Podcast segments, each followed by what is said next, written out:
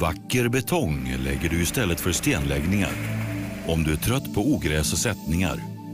Vår markbetong är svår att skilja från vanlig marksten och vi har fast kvadratmeterpris oavsett mönster och färg. Beställ av DNB. Se bilder och filmer på dnbab.se. Och sen blir det ju lite spännande att se eh, vad som händer hos er nu i, i Lemkonlängan med tanke på att Rimtech eh, Ja, har fått lägga ner mer eller mindre all eh, det blir ju verksamhet. egentligen- För de har inte kvar, det finns inget lager kvar, de har inte kvar några... Det finns lite kontorsmaterial kvar som inte, Ja. är, inte är fullt utstädat Nej. ännu. Men det är ingen verksamhet. Det är ingen eh, verksamhet. Eh, Och då är det väl egentligen och då är det väl egentligen två frågor som vi måste ställa oss. Ja. Vill vi se till att expandera eller vill vi se till att någon annan gör det så snabbt som möjligt för att det ser ju jäkligt kräset ut att ha en tom lokal bredvid sig. Ja, Om man tänker på det viset. Då. ja just det. Så att då är väl egentligen frågan om eh, vi skulle kunna använda det som någon sorts eh, lager eh, lagerutrymme tills vidare. Ja, och sen eventuellt öppna upp för eh, större kontorsmiljö också då. Ja, just det.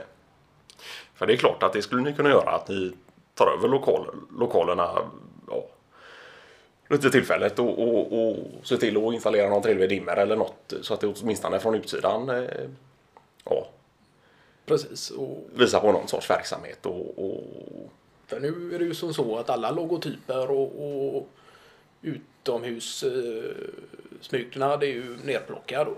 ja, Och det är ju kulsvart inne i lokalerna och kollar man in så kan man se antydan av att det har varit eh, någon sorts kontorsverksamhet där. ja, Men i annat så eh, är det klart att eh,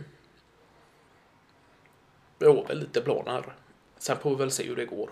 ja, Men vi har kontakt med före detta Rimtech både på att skriva på något övergångskontrakt ja, och sen även med de som äger den delen av fastigheten också. Då. det är ju inte. Rimtech själva Nej. utan så att det blir någon något typ av arrende där. Som, triangeldrama då som eh, förhoppningsvis ska gå förhållandevis eh, milt till då. Ja.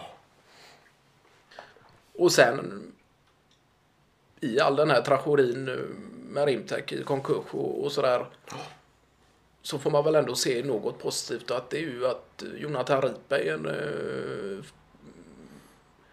anställningsbar eh, Förmåga, ja. Ja, och han eh, har ju tydligen fått jobb nu då. okej.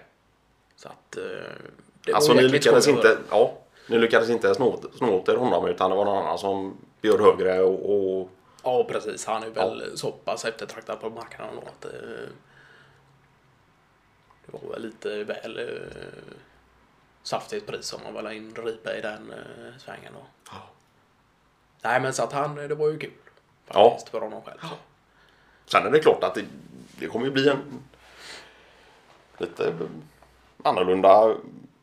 Jag tänker, nu, nu jobbar inte han med er direkt så, men han var väl över en del och, och, och Han var över en del och, Ja. och framförallt under lång tid och, och tog med sig sitt eh, krubb och, och spisade med oss och, och sådär.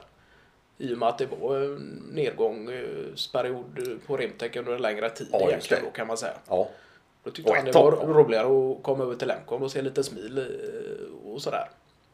Men det har han ju sagt att eh, han kommer gladeligen på, på lunch i fortsättningen Ja, också, även om han jobbar mer eh, inåt centralt då.